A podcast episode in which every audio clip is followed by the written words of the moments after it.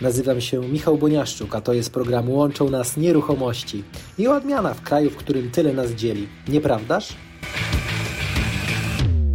A to jest program Łączą Nas Nieruchomości. Nowy sezon, mam nadzieję wyczekiwany, trochę jak na Netflixie zawsze się czeka na nowy sezon. Jak widzicie, nowy sezon, nowe studio, więc mam nadzieję, że trochę lepiej to wygląda niż do tej pory. Bardzo Wam dziękuję. 30 osób, 30 osób czekały na nas, walczyliśmy tutaj w pocie czoła z problemami technicznymi, ale nie o tym. Dzisiaj, moi drodzy, porozmawiamy o tym, jak zarobić milion na deweloperce. Moim gościem będzie Paweł Górski, ale zanim do tego przejdę, e, zanim do tego przejdę, napiszcie, czy mnie dobrze widać i dobrze słychać. Tutaj widzę, o jest, już jest już ekipa i Edytka, widzę, że przez YouTube'a, no właśnie, bo i Facebook i YouTube możecie oglądać dwoma kanałami. Cześć Tomek, cześć Iwonka, cześć Ania, bardzo się cieszę i bardzo dziękuję, że jesteście e, dzisiaj razem ze mną. E, nowy rok, i troszeczkę kontrowersji wokół tak zwanego podatku e, deszczowego i chciałem dwa słowa na ten temat Wam powiedzieć, on już został wprowadzony w 2018 roku, już była, już obowiązuje, natomiast jakby nowelizacja miała wejść w życie e, z początkiem tego roku w styczniu, natomiast już się mówi o tym, że prawdopodobnie wejdzie za rok. Ale do czego zmierzam? Zmiany dotkną najbardziej właścicieli nieruchomości, którzy mają zadaszone tarasy, garaże i uwaga, wybrukowane podjazdy i podwórka. Im większy procent zabetonowania działki, tym większy podatek. Chodzi o to, żeby deszczówka zamiast do kanalizacji spływała do gruntu. A nie mówiłem w rozmowie z Krzyśkiem Derdzikowskim, że warto inwestować w grunty, ale do brzegu. Podatek można obniżyć, jeśli na posesji zainstalujemy zbiornik do łapania deszczówki. Już widzę nagłówki gazet, opóźnienia w budowaniu dróg publicznych ze względu na to, że obywatele wynajęli wszystkie koparki do tego, żeby wybudować sobie zbiorniki retencyjne na deszczówkę i ogłoszenia do zerwania kostki brukowej zatrudnia. Ale do rzeczy. Za pomocą wpływów z podatków suszą, chyba w budżecie. I teraz, moi drodzy, wielka prośba do Was, żebyście napisali, jak Wy się zapatrujecie w ogóle na ten podatek e, deszczowy. E, dlaczego on jest dobry, tak przełamując tą całą fabułę. Dlaczego według Was jest dobry? Witam i Mateusz Tkaczyk, Krzysiek Krupski, Tomasz Nalepa, Edyta Mazur i Joanna Zyrko. Super, jesteście razem z nami, bardzo się cieszę. Nowy program, stąd te opóźnienia, ale mam nadzieję, że to pierwsze koty za płoty. Ale moi drodzy, do brzegu. Dzisiaj moim gościem jest osoba nietuzinkowa. Deweloper, który zarobił już milion złotych w tym temacie. Jest nim Paweł Górski. Bardzo się cieszę na dzisiejsze spotkanie. Paweł od 10 lat inwestuje na rynku nieruchomości, tak naprawdę rozpoczynał i budował cały brand Freedom Nieruchomości. Od trzech lat inwestuje i od tego czasu zrealizował już dwa projekty deweloperskie. Trzeci już jest w trakcie, a dwa kolejne w przygotowaniu. Co tu dużo mówić? Ma swój patent i ma swój sposób na to, żeby zarobić milion na deweloperce, ale może nie przedłużając, zaproszę go do naszego studia. Drodzy Państwo, oto przed Wami Paweł Górski. Witam Cię, Pawle, bardzo serdecznie. Cześć, cześć. Witam również. Paweł, muszę powiedzieć, że jesteś wytrwały, bo próbowaliśmy, próbowaliśmy, próbowaliśmy, aż w końcu, aż w końcu e, zadziałało. Bardzo, bardzo, bardzo się cieszę, e, że jesteś razem z nami. Czy dobrze zapowiedziałem? Czy o niczym nie zapomniałem? Słuchaj, reszta wyjdzie w praniu, także niech, niech tutaj powoli osoby mnie poznają. E, także, także, także Super. lecimy do przodu. Lecimy. I cieszę się, że Ci się udało. ja też się bardzo cieszę i dziękuję za cierpliwość. E, moi drodzy, zmieniamy troszeczkę fabułę. Na początku będzie trochę rozrywki, trochę humoru, ale też być może trochę ciekawostek, z, z których możecie wyciągnąć konstruktywne wnioski. A mianowicie przygotowaliśmy dzisiaj z Pawłem taką małą zabawę, małą grę, a mianowicie taką, że Paweł ma trzy historie, z czego jedna jest prawdziwa, Dwie są prawdziwe, przepraszam. Tak, Paweł? Dwie są prawdziwe. Tak, tak. Jedna, jedna jest fałszywa. E, mam nadzieję, że masz je ponumerowane 1, 2, 3. Ja tutaj się będę starał troszeczkę. E, Chronologicznie opowiem. Okej. Okay. Ja tutaj się będę starał Pawła, będę się starał Pawła tutaj podpytać e, o te wszystkie, o te wszystkie rzeczy związane właśnie, związane właśnie z. Tylko sekundeczkę, bo tutaj nie widzę naszych podpisów, ale zaraz, zaraz spróbuję gdzieś tutaj to włączyć. O. Paweł, czy ty wiesz, gdzie tutaj można to podłączyć, żeby cię było widać? Żebyś był e. podpis, tutaj, żeby był podpis? A wiesz co, yy, chyba jak klikniesz na mnie, to masz coś takiego jak edit name. Mam, mam edit name. Musisz mi dodać, tylko wpisz mnie tak jak jestem. Yy, teraz różnie się ludzie przedstawiają, jak się ich pyta ale ja mam tutaj, wiesz, y, ale nie mogę tego włączyć. No nic, dobra. Y, problemy techniczne, ale jak, jak ktoś używał StreamYarda, to może ja nam... Pod... Sam, może ja mogę sam. Czekaj, czekaj. Ale wiesz co, ja mam, ja mam dodane, także nie wiem o co chodzi. Nie wiem, bo jak robiliśmy próby generalne, jak robiliśmy próby generalne, to wszystko działało. Nieważne, wracając do gry, zaraz tutaj może jakiś support mi podpowie, jak nas ogląda jakiś support, y, to będę bardzo wdzięczny za napisanie, gdzie to się włącza, albo zaraz jakbyś odpowiadał na pytanie, to spróbuję to włączyć, ale do brzegu. Mamy tą grę, mamy trzy historie, jeden, dwa, trzy. Którą historię y, masz ponumerowane, tak? Mogę wybrać, którą z historii? Dobra. Pierwsza historia to jest historia numer jeden, druga będzie dawaj. numer dwa, trzecia dawaj, numer dawaj. Dawaj. E, to pierwsza historia. E, jak wiecie, właśnie zaczynałem jako pośrednik od zera, e, tak naprawdę od po prostu wynajęcia lokalu i, tak budowania gdzieś tam marki. I pierwszy, pier, pierwsza historia to jest to, że trzy razy w swojej karierze pośrednika wynająłem nie, tą samą nieruchomość do serialu. To jest pierwsza historia. Okej. Okay. Mówić drugą? Okej, okay, dobra, no to jakby zacznijmy od tego, zacznijmy od tego i na tym być może y, do serialu trzy razy wynająłeś nieruchomości, jedną tak. czy kilka nieruchomości? Tą samą. Tą samą, dobra, y, bo dobra, o co chodzi w tej grze? Wybieramy jedną historię, ja cię dopytuję o tą historię tak. przez 60 sekund, a później nasi widzowie głosują. Jeżeli uważają, dobra, zatrzymajmy się może na tej historii, bo jej nie znam, nie rozmawialiśmy o niej. Historia z wynajęciem e, mieszkania. Ja cię teraz podpytuję różne fakty, a naszych widzów bym poprosił. Posiadłości. Posiadłości. Tak. Dobra, a naszych widzów bym poprosił, jedynka, jeżeli uważacie, że to prawda, a dwójka, jeżeli uważacie, że to fałsz. Dobra? Dobra, gdzie ta posiadłość się mieściła, powiedz mi? Włączam stoper 60 sekund. E, mieściła się pod Ostrudą, e, stary młyn nad, e, nad rozlewiskiem i właśnie okay. trzy razy został wynajęty przeze mnie do serialu właśnie Życie nad rozlewiskiem. Życie nad, nad rozlewiskiem. Dobra, to było w, na wiosnę, w zimę, w lato, w jakiej, jakiej to była pora roku? E, znaczy wiesz, umowy podpisywaliśmy w różnych porach roku, natomiast gdzieś, jeżeli chodzi o zdjęcia, plan zdjęciowy, no to w wakacje jakby to było nagrywane zawsze. Czy można to odtworzyć teraz gdzieś w internecie? Myślę, że tak. Jak wpiszecie życie nad rozlewiskiem, stary młyn, to, to, to znajdziecie. Czy oni znaleźli ciebie, czy ty znalazłeś ich?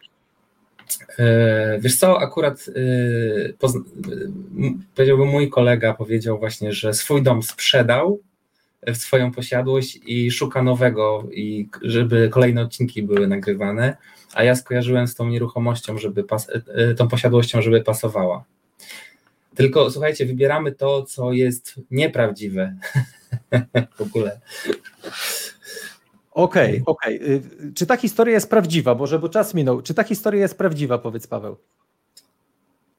Już teraz? A nie, tak, nie po tak. wszystkich? A czy, czy, czy jedziemy ze wszystkimi? To, to może opowiedz, to zróbmy inaczej. Zróbmy dzisiaj taką totalną wymianę. Opowiedz jeszcze te dwie historie pozostałe tak, tak. i ludzie Myślę, zagłosują jeden, dwa, trzy. Głosujemy na to, co jest fałszem. Dobra, dobra. Głosujemy na to, co jest fałszem. Dobra. Okej. Okay. To druga historia jest taka, że właśnie e, ta sama nieruchomość, prawie udało mi się ją sprzedać spółce, która miała siedzibę w Dubaju i produkowała elektryczne skutery wodne. E, prawie, bo doszło do podpisania umowy, został wpłacony zadatek. E, zarząd z pracownikami tej firmy, bo też, też była część polska, przyjechali na Sylwestra, natomiast nie sfinalizowali nigdy tej transakcji. Okej, okay, to jest druga, czyli mamy Dubaj i trzecia. Tak. Trzecia A historia? Trzecia, trzecia to właśnie, jak zaczynałem właśnie deweloperkę, zakończyłem jakby tutaj już mój rozdział z Freedom, to kiedy zaczynałem tą deweloperkę, to miałem 2 miliony na koncie. Okej, okay, dobra. I teraz, I teraz pytanie do Was, drodzy widzowie. Według Was, która z tych historii 1, 2 czy 3 jest fałszem? Jakbyście mogli napisać to... Yy, to będę bardzo wdzięczny. Y, Iwonka, Alan, wszyscy, którzy jesteście, taka trochę interakcja na, na początku. Dobra, już są pierwsze, pierwsze, pierwsze informacje są. Ja cały czas walczę z tym, żebyśmy to. Trzy.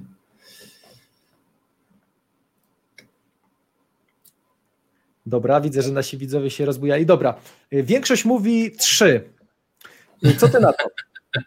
E, no to dobrze myślą, dobrze myślą właśnie. E, tak specjalnie użyłem tych historii, żeby jednocześnie was gdzieś tam zainspirować. Ta pierwsza jest prawdziwa, ta druga jest prawdziwa, a trzecia, jak ja wchodziłem w tą deweloperkę, to miałem do dyspozycji pół, pół miliona właśnie na, na tego typu inwestycje. Także nie trzeba mieć dwóch milionów, nie trzeba mieć wcale tak dużo, żeby, żeby zacząć działać. Super. E, myślę, myślę, że nawet jeszcze jakoś tam 200-300 tysięcy dałoby radę wystartować. Okej, okay, super. Bardzo dziękujemy za tę historię, za inspirację. I teraz do brzegu. Gdzieś zrobiłem mały research, Paweł, o tobie i na jednym, e, na Instagramie dokładnie, tam poszukałem, po, po, po, popatrzyłem i tam generalnie masz jakieś zdjęcia z KSW, z motorówką i tak dalej, ale jedno zdjęcie najbardziej mnie zaciekawiło, a mianowicie stoisz z wykrywaczem metali. I nasuwa mi się od razu pytanie, czy jak kupujesz działkę pod inwestycję, czy najpierw ją weryfikujesz pod kątem właśnie przejścia się z takim wykrywaczem metali, poszukiwaniem złota? nie, nie, nie, to powiem Ci, to po prostu inna historia, a akurat poznałem osobę, która się tym trudniła i e, bardzo, bardzo się gdzieś tam zaprzyjaźniliśmy. I, i właśnie tutaj e, no, zaproponowała mi, że będę miał też taką możliwość poszukać i powiem Ci, że no, znaleźliśmy takie kule e, z okresu, kiedy Napoleon przechodził przez Polskę. Generalnie fajna zabawa, z dwa, trzy razy się w to bawiłem, też z synami i e, no fajna frajda, tak bym powiedział. Rewelacja, rewelacja, dzięki. Słuchajcie, jeżeli e, uważacie, że to wideo dzisiejsze o deweloperce komuś z Waszych przyjaciół, znajomych, najbliższych, rodziny się przyda, to wielka prośba o udostępnienie. My troszeczkę zmieniamy fabułę i dzisiaj będziemy rozmawiali głównie z Pawłem na tematy, które sobie przygotowałem, natomiast później tak naprawdę będzie czas na pytania, Wasze pytania, drodzy widzowie, więc warto poczekać. Też będzie nagroda, prawda Pawle? Nie mówimy chyba jeszcze o nagrodzie, ale ona będzie gdzieś tam pod koniec naszego spotkania. Tak, mamy jakieś tam drobne prezenciki. Tak, drobne prezenciki deweloperskie mamy przygotowane. E, także do brzegu. W wielu wywiadach, Pawle, mówiłeś o tym, że Mówiłeś, Pawle, o tym, że ten mindset jest taki istotny, prawda? Że wielu ludzi chce to zacząć robić, ale się boi, nie wie jak. W jaki sposób ty przewalczyłeś ten mindset? Jak ty zmieniłeś troszeczkę swoje myślenie, że w ogóle zacząłeś e, deweloperkę? Mhm. Znaczy, mnie to też y, przerażało, y, bo po prostu wiesz, pracowałem jako pośrednik, to zajmowałem się sprzedażą już gotowych produktów, tak, gotowych lokali. E, nigdy nie miałem nic wspólnego z budową, tak naprawdę takiej budowy nie przeżyłem, także chyba naj, najbardziej nas przeraża coś w ogóle, e, czego, czego, czego nie przeżyliśmy, tak? Mhm. I to, co mi pomogło, to po pierwsze, e, ja, ja na pierwszy raz pojechałem na szkolenie akurat do Daniela Siwca i troszkę i no, z deweloperki w międzyczasie jeszcze byłem na trzech innych, zrobiłem studia, ale też powiem Ci, z jednej strony y, dużo się y, dowiadywałem w teorii, tak jakby wiesz, y, zawzięłem się nie tam, że zastanawiałem się, czy jedno robić szkolenie, czy drugie, tylko ja po prostu stwierdziłem, że chcę gdzieś tam iść do przodu, a z drugiej strony do mm, mojego pierwszego projektu zaprosiłem osobę ze zdecydowanie większym na tamtą chwilę doświadczeniem niż, niż ja, Mhm. E, I powiem szczerze, że tak w bezpieczny sposób tą jakby historię przeszedłem.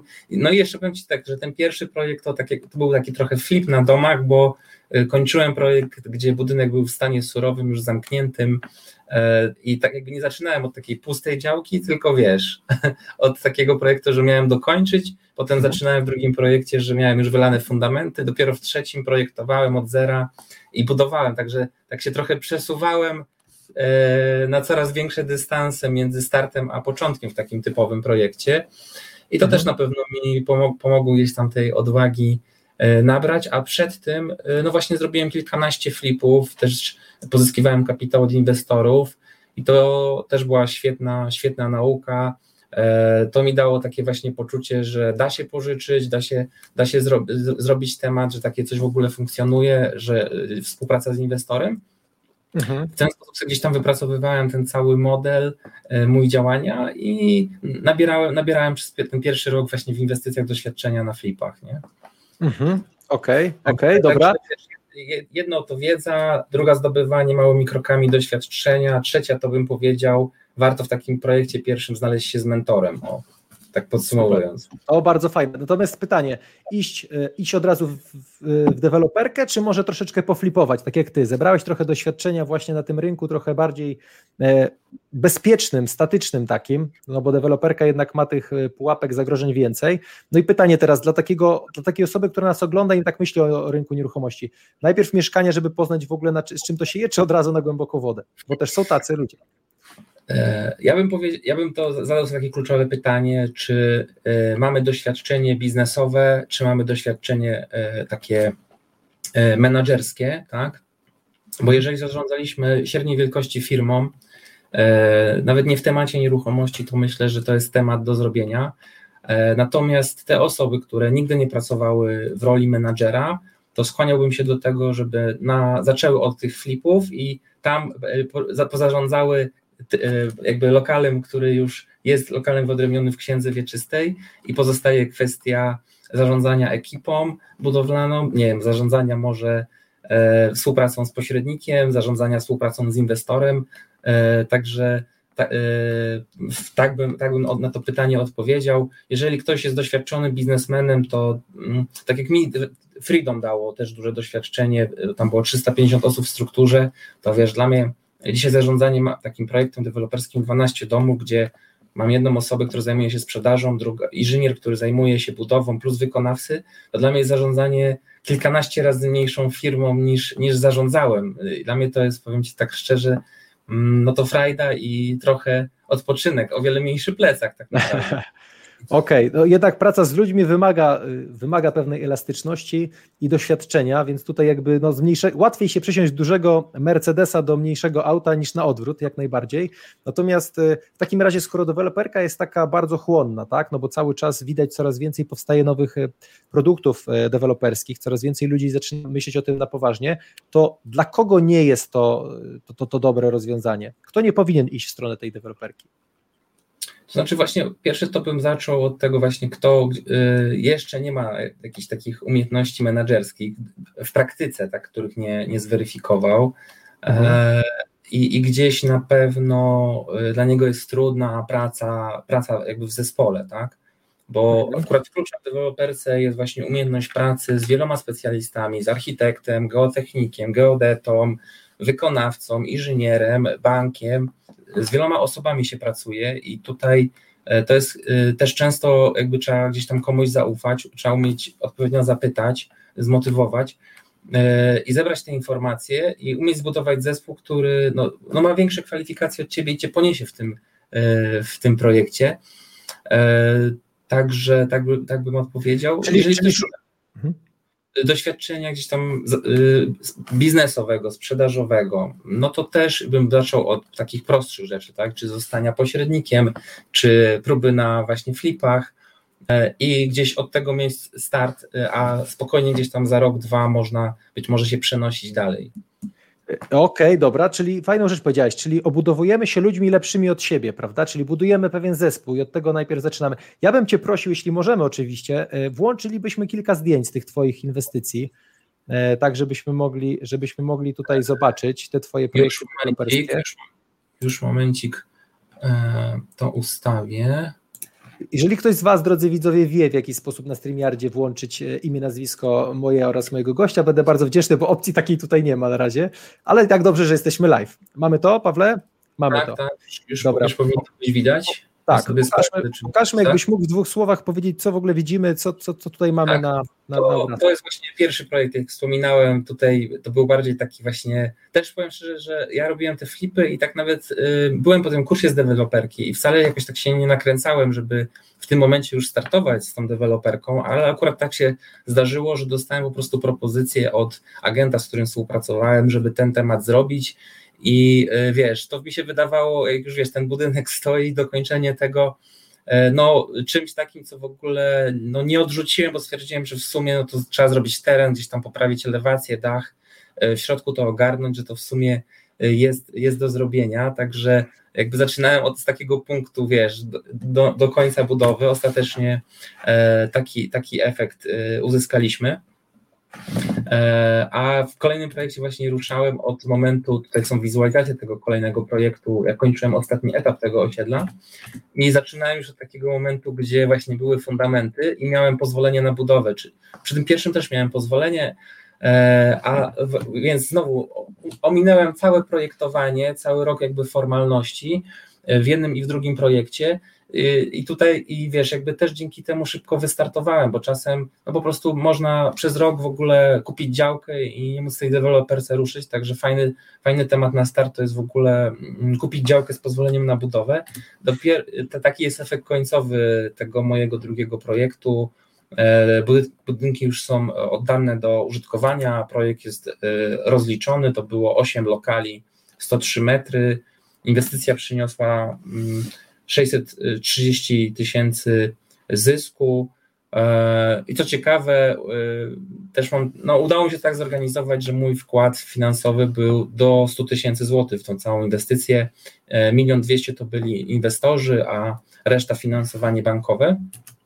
I dopiero mhm. powiem Ci, że przy trzecim projekcie znowu szukałem projektu do przejęcia i tutaj widzimy właśnie budynki, które e, też było pozwolenie na budowę, tak to miało wyglądać.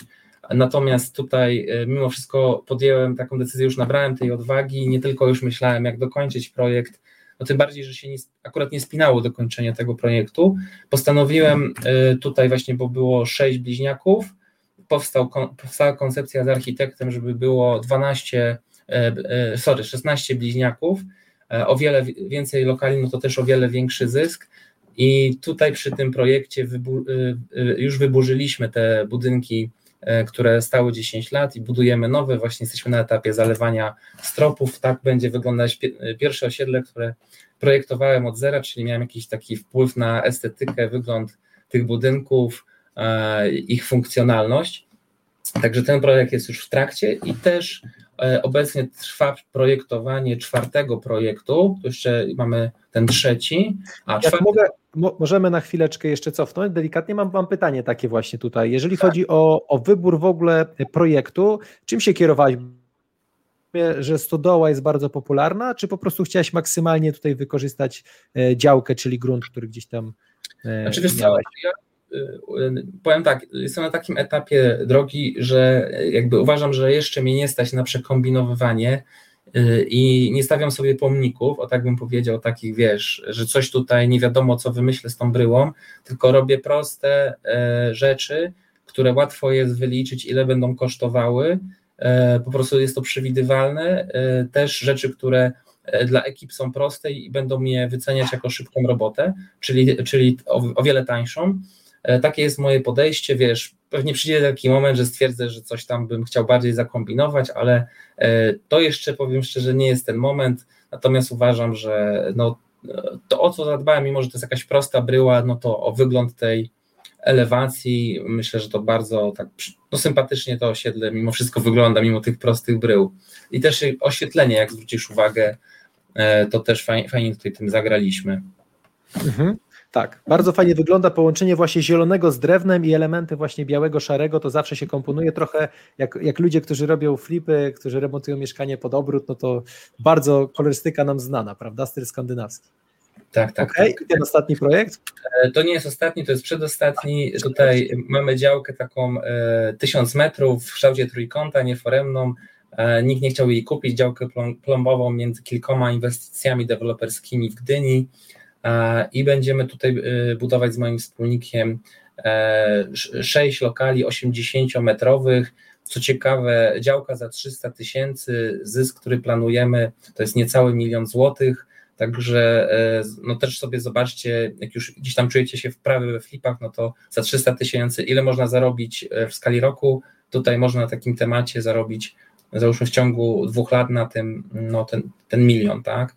E, myślę, że projekt będzie realizowany po wakacjach, jeszcze trwa projektowanie, e, jesteśmy na etapie też załatwiania tematu przyłączy, e, także to jeszcze przed nami, troszkę czasu musi opłynąć, przy, kiedy kupujemy tą działkę bez pozwolenia. No i ostatni projekt, drugi mój w Kosakowie, tutaj akurat moi absolwenci moich warsztatów e, deweloperskich e, zaproponowali mi współpracę, znaleźli fajną działkę już z pozwoleniem na budowę. I ten piąty projekt ruszymy szybciej niż ten czwarty, bo myślę, że w marcu wbijemy łopatę, już mamy praktycznie zebrane finansowanie na zakup działki i stan surowy, E, też mamy tutaj uzgodnione wstępnie z bankiem, że ta inwestycja będzie finansowana. E, no i ta inwestycja przyniesie mm, też około miliona złotych zysku, właśnie tak to podsumowując w ogóle te wszystkie projekty, no to te pierwsze dwa to już wiadomo ile przyniosły, e, ten trzeci, czwarty, piąty to są moje, moje prognozy, to są zyski jakby z całego projektu. Ja też oczywiście tu w jakimś tam zakresie się dzielę z moimi wspólnikami udziałami w zysku, E, natomiast jakbyście właśnie zwrócili, no to to, o czym ja mówię, mm, no budując, budując te 10-12 lokali, czyli to jest w sumie nieduży projekt deweloperski, no bez problemu można właśnie około tego miliona rocznie gdzieś tam no, no zarabiać na tych projektach, tak? Także okay. dlatego stąd, stąd też jakby ta idea, którą tu chciałem Cię zainspirować, ten milion, milion w rok na deweloperce to nie jest żaden problem, tak bym powiedział. Super. Bardzo ważną rzecz powiedziałeś, Pawle, kilka minut temu, a mianowicie o finansowaniu. Jaki, jaka, jest, jaka, jest, jaka jest chronologia działania? Najpierw y, wynajdujesz taki budynek, później tworzysz jakąś wizję, projekt, wyliczasz sobie wszystkie, cały kosztorys, a później idziesz do inwestora i tak dalej, i tak dalej. Jaka jest, jaka jest formuła, jaki jest proces? E, wiesz co, tutaj jest jakby są dwie drogi. Pierwsza droga to jest taka, jak mamy, mm, znaczy najtrudniej po pierwsze pozyskać inwestora, kiedy mamy tylko działkę i Excela i jeszcze nie ma żadnych dokumentacji, żadnych projektów, nie ma niczego dotyczącego co można by było tam wybudować, czy to od architekta, czy, e, czy wiesz, e, no nie wiem, pozwolenia na budowę, no to wtedy każdy inwestor no, jest przy, gdzieś tam no, zaniepokojony tym, że masz tylko tego Excela i tą działkę i czy na pewno będzie można coś tam zrobić. Także jeżeli jest taka sytuacja, e, że kupujemy działkę bez pozwolenia na budowę, to powinniśmy jeżeli się na tym znamy, czy z osobą, która ma doświadczenie już w takich projektach, to przeanalizować, przeliczyć, sprawdzić, zarezerwować tą działkę, uspokoić sytuację, e, umówić się z, z kupującym tą, e, sprzedającym tą działkę, że my zapłacimy no naj, najlepiej po pozwole, uzyskaniu pozwolenia na budowę i dopiero pozyskiwać tych inwestorów, jak będziemy mieli przynajmniej wizualizację, co tam może powstać, projekt budowlany złożony do urzędu, tak, to można myśleć, że już za kwartał pewnie będzie pozwolenie i będzie można ruszyć. No a w wariancie, kiedy jest pozwolenie na budowę, to praktycznie od razu można ruszać e, z szukaniem inwestora, no bo mamy, mamy pozwolenie na budowę, mamy e, wizualizację, mamy jakąś dokumentację. E, to jest jakby bardziej pewne dla inwestora, że że, że na pewno dojdzie już do, do tej budowy, że można to wybudować, więc ja polecam właśnie na tym etapie gdzieś tam szukać inwestorów. Ja no, też musiałem to przepracować, bo kiedyś tego tak nie miałem rozpracowane i też mnóstwo czasu przepaliłem na to, żeby za szybko szukać inwestorów, zanim mam projekt przygotowany. Okej, okay, dobra, a powiedz, a powiedz mi w takim razie jeszcze, e, jak e, szukasz finansowania, no zdecydowanie łatwiej, jak masz pozwolenie na budowę, masz wszystko, ale rozumiem, że jeżeli masz jakąś działkę, tak jak tą za 300 tysięcy, to najpierw zrobiliście sobie e, umowę przedstępną warunkową z właścicielem tej działki, żeby zabezpieczyć i w tym czasie miałeś tak. jakby możliwości tego, żeby troszeczkę porozmawiać i pospotykać się z ludźmi, tak? Dobrze to interpretuję? Znaczy, my, na, my na, na tą akurat, to jest taki temat, powiedziałbym, na który my no, nie szukamy jeszcze inwestorów, bo będziemy szukać na takim etapie, kiedy już będzie bliżej, bliżej startu tej, tej budowy. Y, także y, na razie, na razie gdzieś tam mamy koncepcję architektoniczną, y, uzgadniamy przyłącza, tam no, no to, to powiem szczerze tak, że jeszcze, jeszcze jest tam za wcześnie, tak? Natomiast na pewno dam znać, jak, jak będę z tym ruszać. To, co jest gdzieś tam na moim fanpage'u, profilu, to, to teraz właśnie ten temat ostatni, piąty, tutaj właśnie mogę już powiedzieć, bo też e, taki mój e, sukces i, moich absolwentów, te finansowanie praktycznie mamy dopięte, tyle co chcieliśmy zebrać środków własnych i od inwestorów te 2 miliony mamy już obecnie w fazie podpisu. W przyszłym tygodniu to finalizujemy z inwestorami. Mamy też już w fazie końcowej gdzieś rozmowy z wykonawcami na stan surowy myślę, że ta budowa, e, będę mógł się pochwalić, tam najpóźniej początkiem marca ruszy. Super. Powiedz mi w takim razie jeszcze jedną rzecz, bo ty to zaczynasz od takiego wysokiego C, można powiedzieć, czyli poprzejmowałeś budynki, miałeś pozwolenie na budowę, to trochę łatwiejsze mieć produkt, ale trzeba było go, trzeba mieć wizję i odwagę, żeby go wziąć, no bo skoro się jakby nie skończył ten projekt, to coś tam mogło nie grać. Natomiast jeżeli mamy, dajmy na to działkę, równą działkę, tam widziałem, że robiłeś dwu, trzy kondygnacyjne e, te projekty na tych, na tych nowych działkach. E, pytanie moje brzmi, a co myślisz o parterówkach właśnie? Co myślisz o tym pierwszym projekcie? Czy iść właśnie w ilość kondygnacji, zabudowa bliźniacza, czy raczej jednorodzinny parterowy?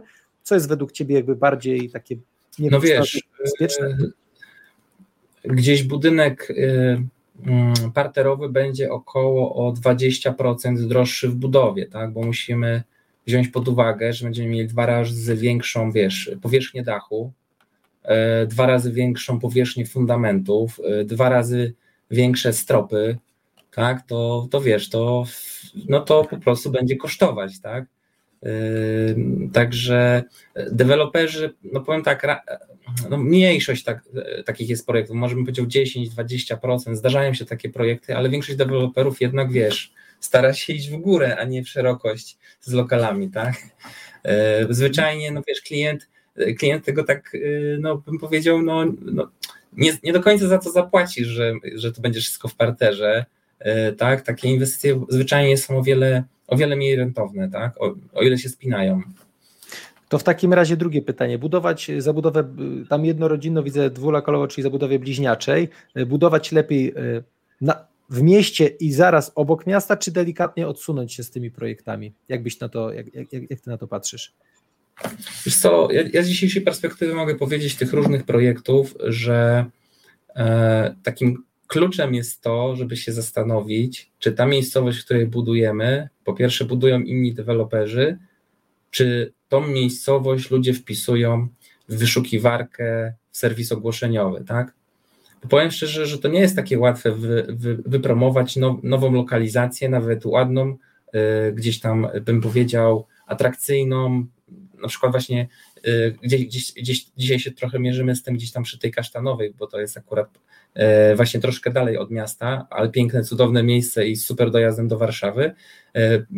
Radzimy sobie z tym i sobie poradzimy, natomiast ja widzę ile wysiłku jest, kiedy buduję, powiedziałbym, projekt praktycznie w Kosakowie i promuje go też częściowo jako Gdynia, tak? bo to jest już na granicy z Gdynią, a, a jak, jak to jest no, promować miejscowość, która jeszcze nikt nie wie, że ma wpisać do wyszukiwarki, to jest takie, no tutaj, tutaj po prostu ileś czasu trwa, aż ludzie w ogóle sobie uświadomią, zacznie się marketing szeptany, ludzie zaczną kojarzyć, że deweloperzy budują, powstaje w jakimś tam miejscu nowe osiedla. To jest na mhm. pewno trudniejsze. Ja bym na pierwsze projekty doradzał właśnie wybranie miejsca, w którym buduje kilku deweloperów, jest trend na rynku, nie jest to w szczerym polu, będzie nam łatwiej przekonać inwestorów, pokażemy e, in, oferty konkurencyjne, będziemy, pokażemy ceny transakcyjne, tak samo do banku. E, bank też będzie miał łatwiejszą sytuację, widząc, że powstaje kilka obok inwestycji i nie ma, ja powiem Wam szczerze, że w deweloperce nie do końca trzeba patrzeć to, że to właśnie tak, że tu jest konkurencja, to nie budujemy, właśnie dlatego, że tu jest y, rynek, to budujemy, a nie tam, gdzie nikt nie buduje, tak? Okej. Okay. Czyli, czyli generalnie warto, warto też y, zaglądać i budować tam, gdzie budują inni deweloperzy, no bo to jakby zwiększa ja naszą możliwość. Dzisiaj powiem tak, że ja wolę zapłacić y, więcej za działkę w dobrej lokalizacji, niekoniecznie w centrum, ale już takiej lokalizacji, która ma trend, niż kreować, y, wiesz, inwestycje w nowej, nowej, w której nikt nie buduje, nie? Okej, okay, no to to jest ciekawe, bo zresztą y, no, łączą nas nieruchomości, razem możemy więcej. Jeżeli jest kilku deweloperów na jakiejś tam miejscowości, no to można połączyć siły i zrobić mega ekspansję, żeby tą, z, tej, z tej miejscowości zrobić coś premium, coś takiego bardzo... Każdy próbuje tą lokalizację, każdy ma jakiś budżet na marketing i w przypadku czasem jest tak, że klient trafił na tą lokalizację od innego dewelopera, ale mimo wszystko, bo ja taką sytuację właśnie miałem w Kosakowie, to i tak wszyscy, bo tam się nawet znamy, jakby jest bardzo dobra atmosfera między tymi deweloperami. I tak wszyscy sprzedaliśmy te, te, swoje lokale, bym powiedział. No właśnie, właśnie o to chodzi. To też jakby napędza to, co ty wspomniałeś. Ktoś kupi od innego dewelopera e, segment albo podajmy na to dom i za chwilę taki marketing szeptany, najlepsza forma rekomendacji chyba. Ja, ja pamiętam... jeszcze anegdotę powiem. E, właśnie kiedyś e, pracowałem też, sprzedawałem oprogramowanie dla prawników i taka anegdota była tam, gdzie jest jeden prawnik, tam on będzie naprawdę wiódł biedne życie, nie? E, tam, gdzie będzie już dwóch, no to wiesz, jeden będzie reprezentować jednego klienta, a drugi drugiego, a, a tam, e, gdzie będzie trzech, no to e, naprawdę zacznie im się dobrze żyć, nie? Ma to sens, ma to sens. Drodzy widzowie, jeżeli jest to dla Was wartościowy materiał, wielka prośba do Was o udostępnienie, będzie nam bardzo miło. Dajcie jakiegoś lajka, cokolwiek, czy w ogóle podoba Wam się nowa szata graficzna i ta forma naszej rozmowy. Za chwilę przejdę do Waszych pytań tutaj będziemy razem rozmawiali o tym, e, z czym, z czym się spotkaliście i do, do, do jakich tematów macie jeszcze pytania. E, natomiast Pawle, chciałem Cię zapytać wprost o, o to, w jaki sposób wykalkulować dany grunt. Kiedyś mi się wydawało, że trzeba kupić grunt w super cenie w okazji. Wiadomo, że to zawsze handicap, ale jednak trzeba chyba teraz spojrzeć na to inaczej i co możemy na tym wybudować, ile, jak możemy zabudować działkę i te wszystkie parametry związane z, z miejscowymi planami zagospodarowania przestrzennego i tak dalej, chyba mają tutaj większe znaczenie. Mhm. No właśnie, ja też jeszcze powiem przewrotnie, że w deweloperce błędem może być wynegocjować grunt za tanio, o tak bym powiedział. Okay. Bo może się pojawić taki problem, że bo przeważnie no, ktoś jest w stanie sprzedać taniej, jak mu szybciej zapłacimy, tak? E, czyli my będziemy tak walczyć, walczyć o tą cenę jak najniższą i się okaże, że kupimy działkę bez pozwolenia na budowę, bez jakichś warunków przyłączeniowych i na koniec się okaże, że, mo, że być może się to w ogóle nie uda tam po, zrobić inwestycji, tak? I co, wynegocjujemy 10% i zostaniemy z tym gruntem, na którym nic nie możemy zrobić. E, mój cel w deweloperce e, i doświadczonych deweloperów jest inny.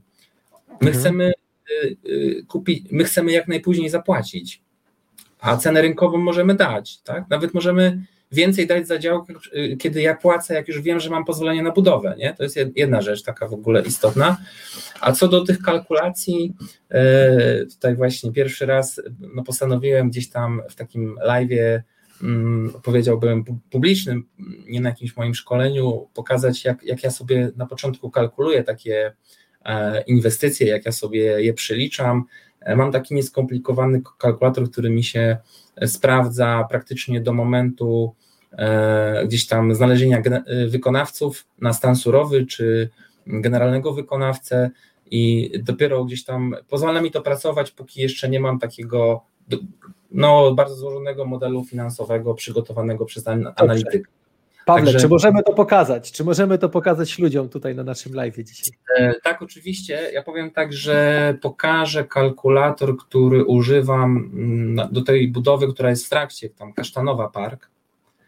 E, także już tutaj no właśnie, e, ja zachęcam, y, jakbyś mógł to włączyć, a ja zachęcam, drodzy widzowie, jeżeli macie jakiekolwiek pytania, piszcie, a wrócimy do Was. Wrócimy do ja myślę, że też tutaj mamy tego, tutaj też ten kalkulator, właśnie chciałbym Wam w ramach tego live'a i uzgodnić, uzgodnień z Michałem, chciałbym go też udostępnić, także chyba e, tutaj wkleję, znaczy wkleję Ci tutaj Michał e, w E, w nasz czat prywatny, a najwyżej tam go podostępnia, a ja będę w międzyczasie pokazywać, jak ten kalkulator funkcjonuje. No właśnie miałem mówić, włączmy kalkulator właśnie i zaraz tutaj. Okej. Okay. A, sorki, sorki, to... Yy... Nie to, to możesz wyłączyć jeszcze raz. Odpaliłem, momencik już patrzę. E, akurat odpaliłem e, kalkulator tej inwestycji właśnie e, na Jaśminowej, tej Kwasykowie, tej drugiej, ale to możemy przy nim zostać, bo ja sobie przygotowałem tych kalkulatorów kilka, tak? Okej. Okay. To w takim razie go udostępniam, proszę bardzo. Jakbyś mógł nam opisać w ogóle, co tutaj jest, na co zwrócić uwagę, jakby, no nie jest on skomplikowany, tak, ale żebyśmy wiedzieli dokładnie, z czym to się je. Ok, to tak idąc tutaj od góry w rzędzie D mamy liczbę domów, mieszkań.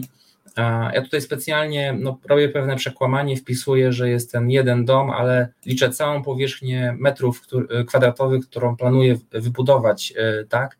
E, robię to po to, żeby po prostu sobie zobaczyć e, jakby globalnie koszty budowy, koszty, no poszczególne koszty jakby łącznie I tutaj potem mamy pozycję. Akurat nie mamy kosztów projektu, bo odkupujemy projekt już, e, znaczy odkupujemy działkę już z pozwoleniem na budowę, także poprzedni inwestor podniósł koszty projektowania, także tutaj jest dlatego wpisane zero. Ja mogę tutaj sobie e, w, jakby w miejscu, gdzie jest teraz wpisane 2600, no jakby weryfikować różne ceny budowy, niższe, wyższe, patrzeć jak to wpływa na kalkulator. Tutaj też w, w tym właśnie kolumnie C E, wpisuję sobie gdzieś tam, ile będzie mi kosztować nadzór inwestorski. I tutaj Wam polecam wpisywać między tam 2 a 3%.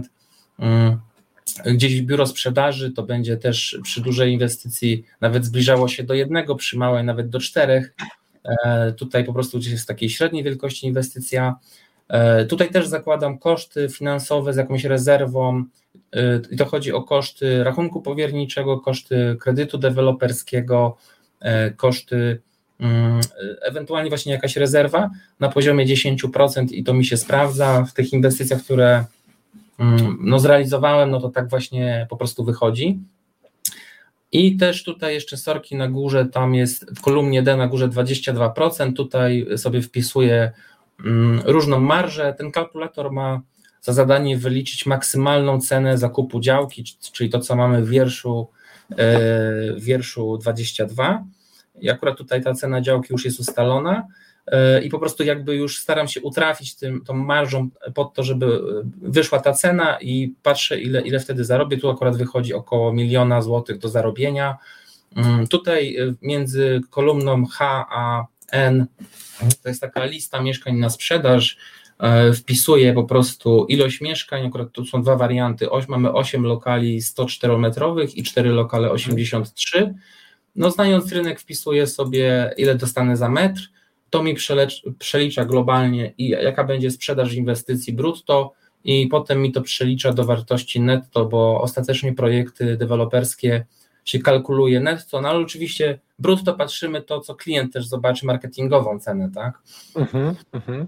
Także tak pokrótce to wygląda, tak, tak jak widzicie, 12 domów, no i ten milion na spokojnie z takiej inwestycji y, wychodzi. Mm, no i to powiem tak, że temat zarezerwowany przed świętami, w marcu rozpoczniemy, za rok w marcu skończymy. No te 15 miesięcy zajmie nam po prostu, żeby, żeby no, ty, tyle gdzieś tam móc sobie wyjąć z tego projektu. Także tak pokrótce tutaj mogę, mogę pokazać.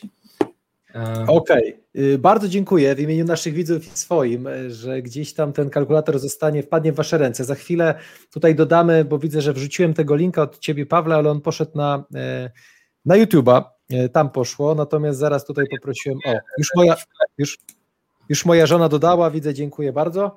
Y, moja żona dodała Kasia tutaj linka do pobrania kalkulatora, więc y, zachęcam bardzo serdecznie. E, super sprawa, żeby sobie poćwiczyć, zobaczyć, jak, jak to w ogóle wygląda, jak to działa, co, co jest istotne, co się liczy, co się nie liczy.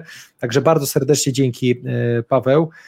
Chciałem Cię zapytać jeszcze, jak już, czy jeszcze coś chcesz dodać, czy możemy iść dalej? Nie, zastanawiam się, bo jest troszkę pytań od widzów, czy tam e, do nich. Wracamy. Tak, ostatnie pytanie, które mam, w sumie to dwa ostatnie pytania i idziemy w stronę widzów i się skupiamy stricte na naszych widzach. E, dziękujemy, że jesteście razem z nami. Jest 77 osób, także dziękujemy. E, cieszę się, że jesteście. E, I co? E, powiedz mi, jaka forma prawna, Paweł, jaka forma prawna? W jaki sposób to tutaj robisz?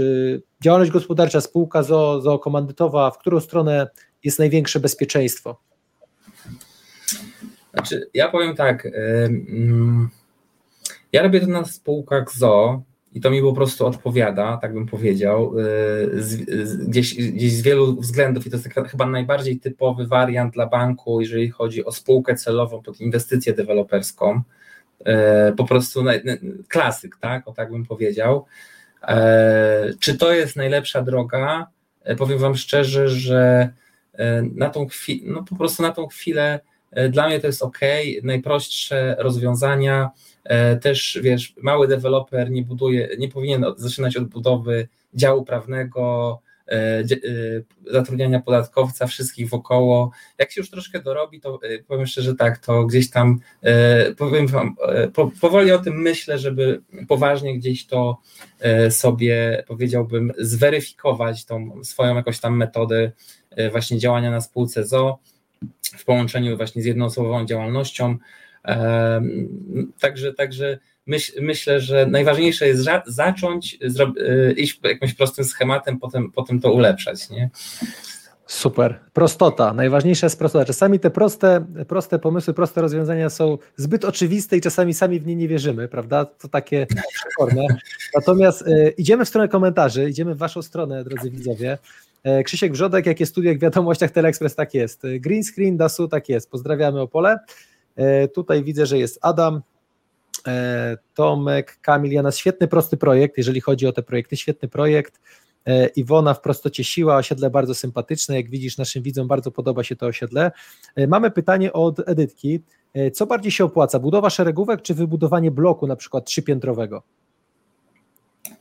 Eee, powiem tak, jeżeli y, na przykład blok może być, powiem tak, y, dużą, ma, ma, mała inwestycja, mały blok może być y, naprawdę pułapką, tak?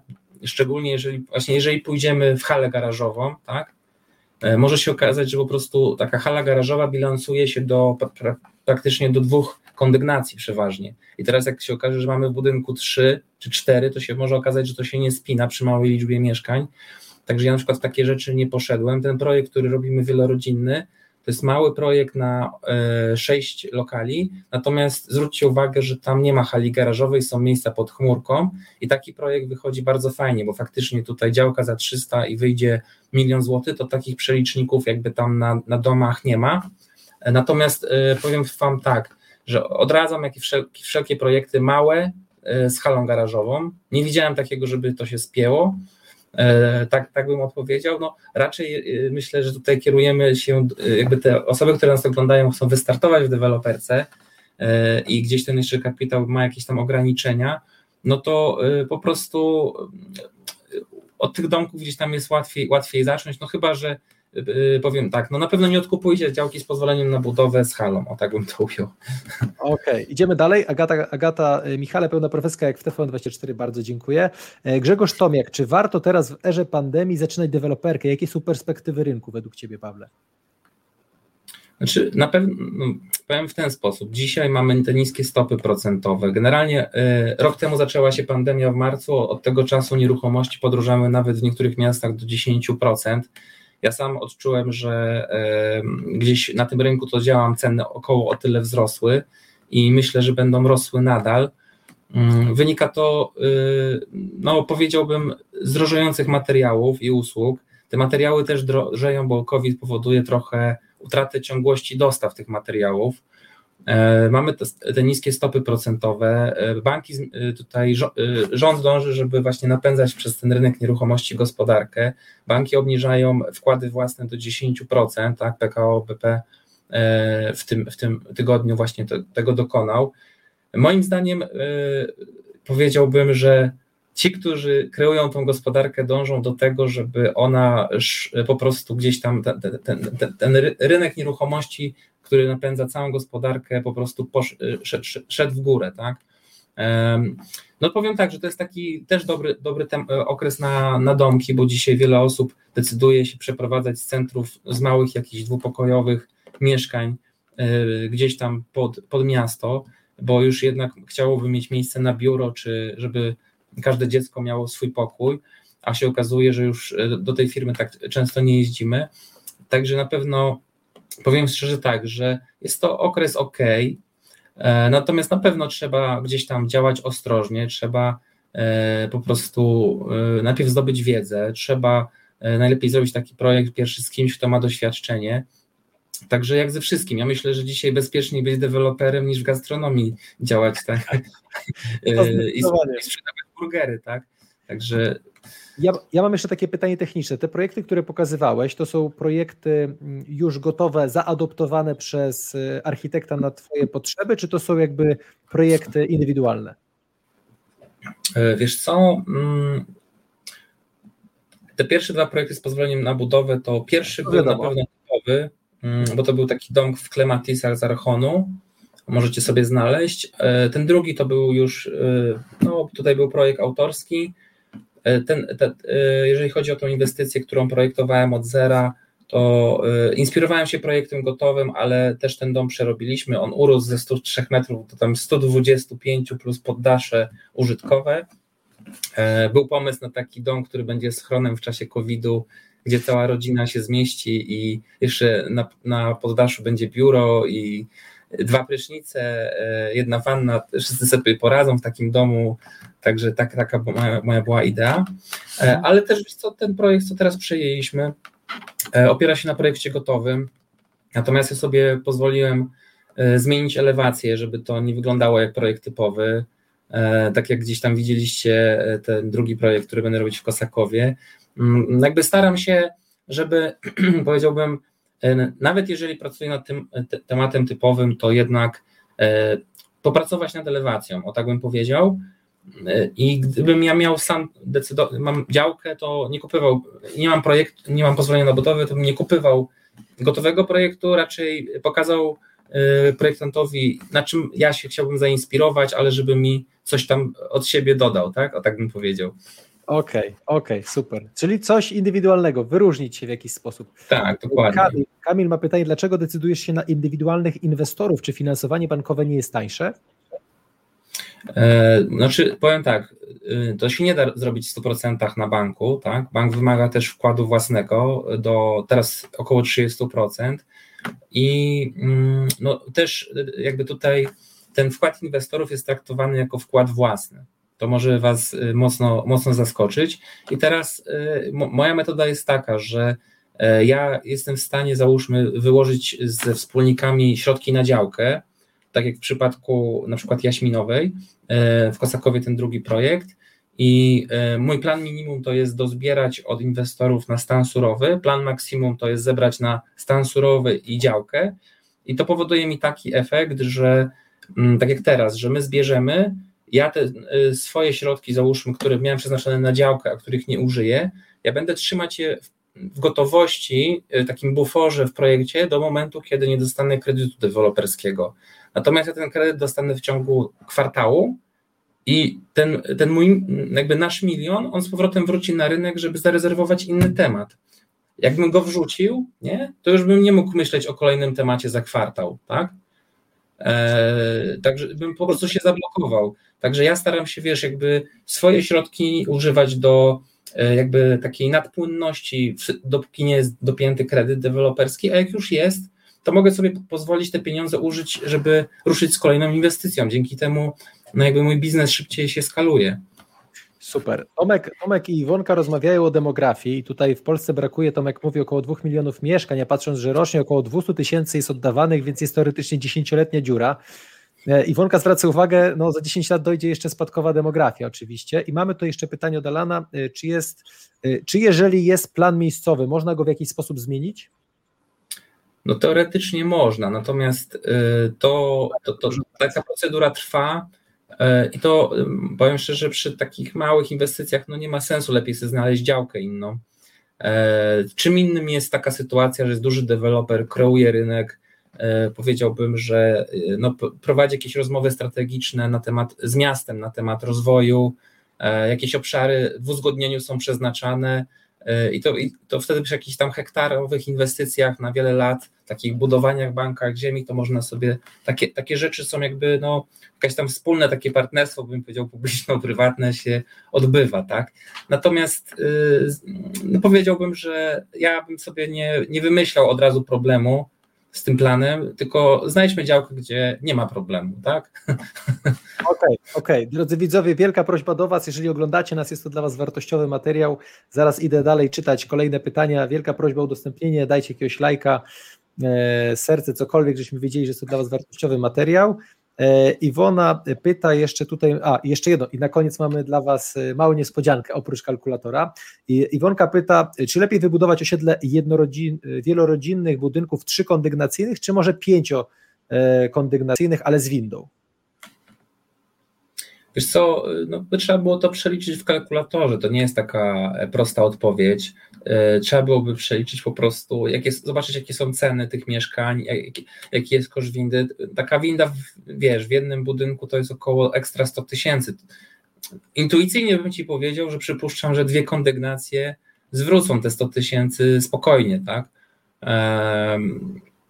No, ale to też zależy, no bo zobacz, za, jeżeli się okaże, że dzięki temu wybudujesz, za, załóżmy, około 500 dodatkowych metrów, to na pewno się zwróci. No, to się nie zwróci, jak wybudujesz tylko 100, o tak bym zajął, bo taka przeciętna marża dewelopera to jest około tam 1000 e, złotych na metrze kwadratowym, tak? Mhm.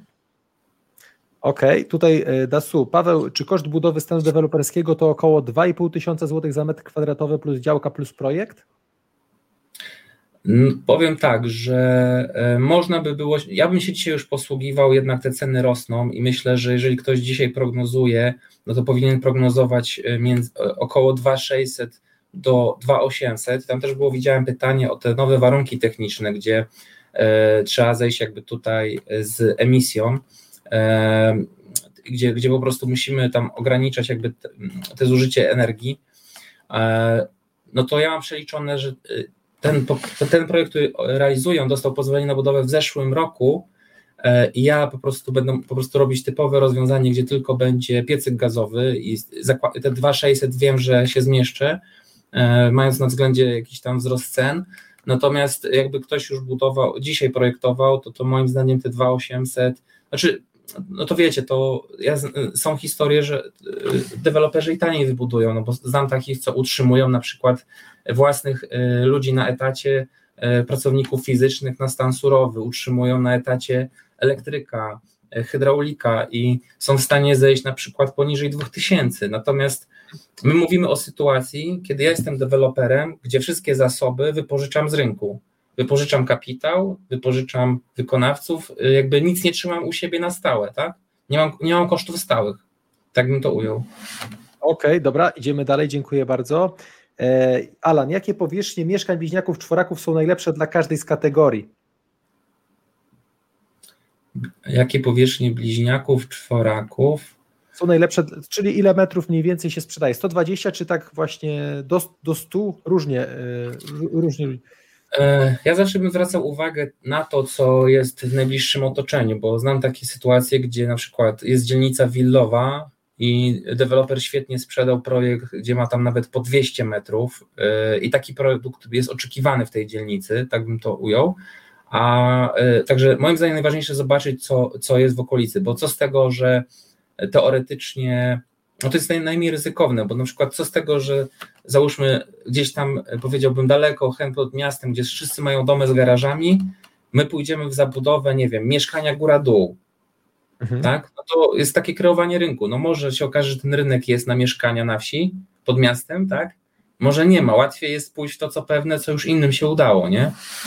E, także nie chciałbym tutaj tworzyć jakichś takich dogmatów w tym zakresie, tylko patrz, jeżeli chcecie iść najprostszą drogą, patrzcie, co jest po prostu w najbliższym otoczeniu, tak?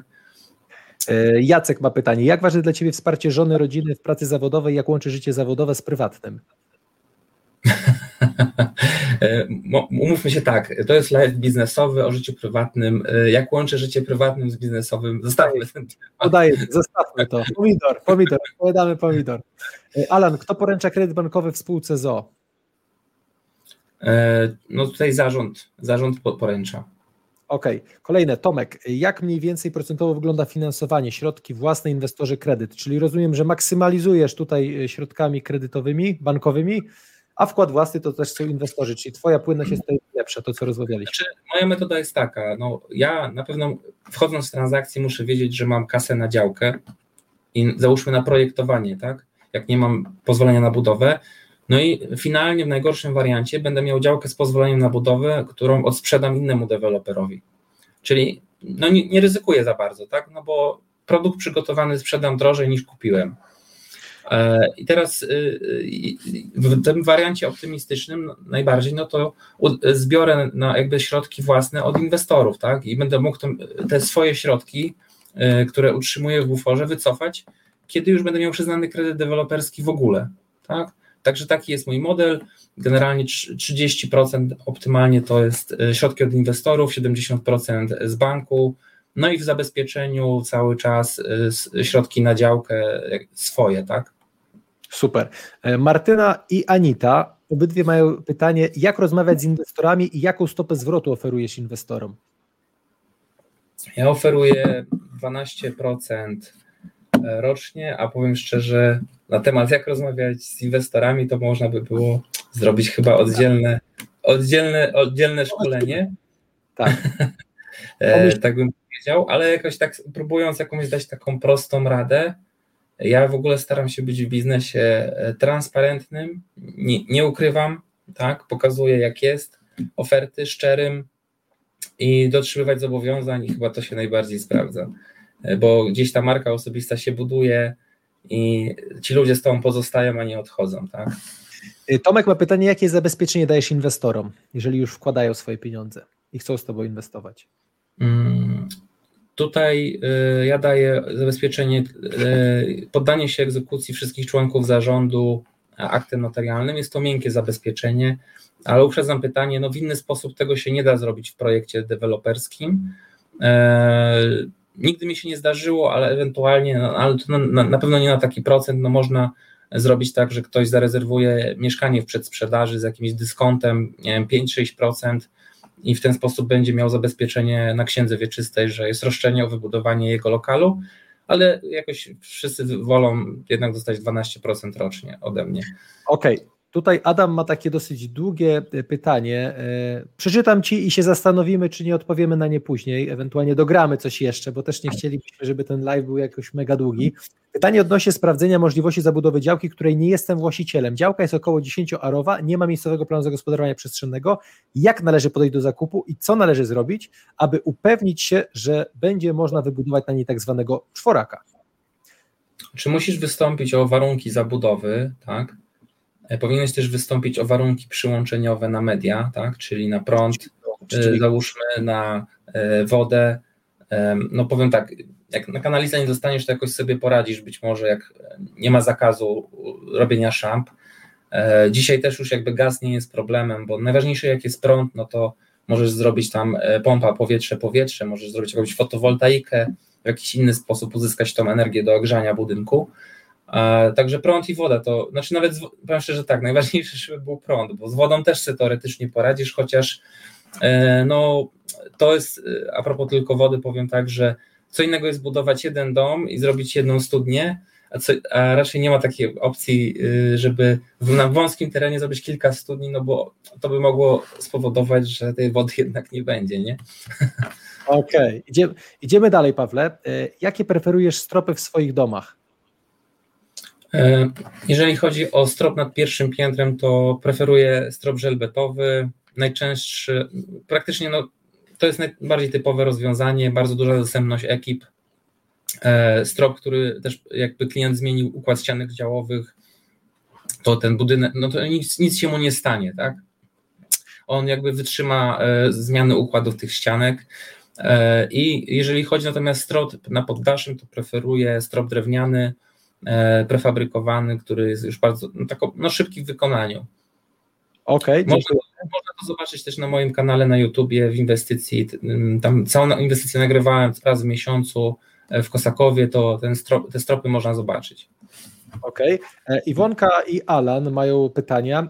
Które rachunki obecnie łatwiej otworzyć deweloperowi? Zamknięte czy otwarte? I jaki bank polecasz do obsługi tych rachunków powierniczych? Y, wiesz co, większość deweloperów korzysta w Polsce, znaczy korzysta z rachunków otwartych, póki mają wybór, no bo rachunki otwarte pozwalają mu podzielić inwestycje na 10 nawet etapów i e, po zakończonym etapie bank przelewa te środki na bieżąco, a nie dopiero po zakończeniu inwestycji, tak jak to jest w rachunku zamkniętym. Czyli możesz się sfinansować klientem, załóżmy, że dostałeś kredyt deweloperski 3 miliony, okazuje się, że bardzo dobrze się sprzedaje, użyłeś tylko miliona i masz o trzy razy mniejsze koszty finansowe dzięki temu. Także każdy deweloper y, rozsądny pójdzie w rachunek otwarty. No są jakieś tam produkty, ale nie korzystałem, że przy rachunkach zamkniętych y, bank no, patrzy na tą kwotę zebraną na tych rachunkach i obniża gdzieś tam te oprocentowania, ale to są jakieś tam pojedyncze oferty już dużych banków komercyjnych, a powiem szczerze, że jeżeli nie finansujecie powyżej 5 milionów, no to no, oni nie będą zainteresowani. To, y, to tak jakby banki, które będziecie brali pod uwagę, to są banki spółdzielcze, tak? E, jeżeli to nie jest kwota powyżej 5 milionów, także okay. E, raczej żaden komercyjny. Banki spółdzielne, rachunki powiernicze otwarte. Tak, spółdzielcze. Koszt, koszt jaki jest? Rachunków tak, powierniczych E, wiesz co, no przy takiej e, no inwestycji powiedziałbym między 10 a 20 mm, takich lokali, no to liczyłbym około 20 tysięcy złotych. Mm, powiedział w ten sposób, że być może to się wydaje duży koszt, ale jak otrzymujesz ileś milionów po sprzedaży od klientów bez oprocentowania, no to to się absolutnie zwraca, tak? Mhm. Okej, okay, mam taką propozycję. Mamy już 65 e, minut naszego live'a. Mam taką propozycję. Może przejdźmy teraz do tego, co jest nagrodą, a na pozostałe pytania dogramy tą część i wrzucimy to na YouTube'a prawdopodobnie jutro. Co ty na to, Pawle? E, no po części już nagrodą to bym powiedział, że ja myślałem, że ten kalkulator jest w ogóle, tak? Mamy nagrodę postaci kalkulatora, natomiast jakbyś mógł włączyć prezentację, będę Ci bardzo wdzięczny. E, jeszcze raz, bo chcieliśmy Wam, drodzy widzowie, bardzo dużo wiedzy wypłynęło, wypłynie jeszcze, bo dogramy ten materiał e, zaraz e, i wrzucimy go jutro na YouTube z Waszymi pytaniami i spróbujemy jeszcze na nie tutaj poodpowiadać, bo tych komentarzy jest tyle, że skończymy o 23.30, czyli standardowo jak do tej pory, natomiast chcielibyśmy to troszeczkę rozdzielić, podzielić, żeby odpowiedzieć na te wszystkie pytania. Mamy tą prezentację, Pawle? E, tak, już. Jakbyś już na którym nam zależy, włączył. O właśnie.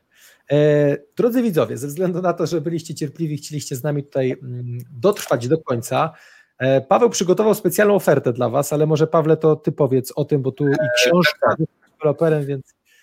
Ja powiem tak, tutaj też pierwszy raz mówię tak oficjalnie, że koń, no praktycznie jestem na ukończeniu książki i w tym momencie trwa druga korekta tej książki, właśnie tytuł będzie Zostań deweloperem, ponad 100 stron, A4 udało się napisać. E, także e, myślę, że no najpóźniej w kwietniu ta książka zostanie wydana i tutaj właśnie e, no, Michał poprosił mnie, żebym przygotował jakąś taką ofertę specjalną, także przygotowałem ofertę też na to, na moje warsztaty, mm, które obniża gdzieś tam cenę ze strony. Ja też, Michał, tam możesz wrzucić ten, ten link do strony, gdzie te warsztaty można ewentualnie nabyć. Ja to puściłem na czacie między nami. E, także macie tam 500 zł rabatu na warsztaty i też jak tylko książka wyjdzie, do, dosyłamy Wam już za free tą książkę Zostań deweloperem. E, no także, e, także to już publiczne zobowiązanie, książka wyjdzie, o tak bym powiedział. Tak, już się, już się zobligowałeś, nie ma wyjścia, natomiast Drodzy, drodzy widzowie, bardzo serdecznie, no bo normalnie 4,5 tysiąca kosztuje, prawda, przez Twoją stronę, tutaj mamy kod rabatowy milion, a więc jak tak jak dzisiaj w tytule naszego dzisiejszego spotkania. Myślę, że... Dobrze trafiliśmy z tym live'em, bo w zeszłym weekend były poprzednie warsztaty deweloperskie, e, właśnie było na nich e, tutaj, no ponad 60 osób na koniec, tam chyba wszyscy, wszyscy po, po, po imprezach nie wrócili, tak bym powiedział, ale ale generalnie bym y, to ujął w ten sposób, że no ja mam taką tutaj strategię, że w przedsprzedaży ta cena jest niższa, ona na, już przed samymi warsztatami jest 6 tysięcy, także trafiliście akurat i tak na przedsprzedaż i jeszcze dodatkowo tutaj macie ten kod rabatowy, także taniej, taniej nie będzie, tak bym to ujął. Także zapraszam tutaj do współpracy i tak jak jest zapisane, żebyście się tam jeszcze mogli spokojnie zastanowić, do niedzieli y, ten kod rabatowy działa, potem my go wyłączymy.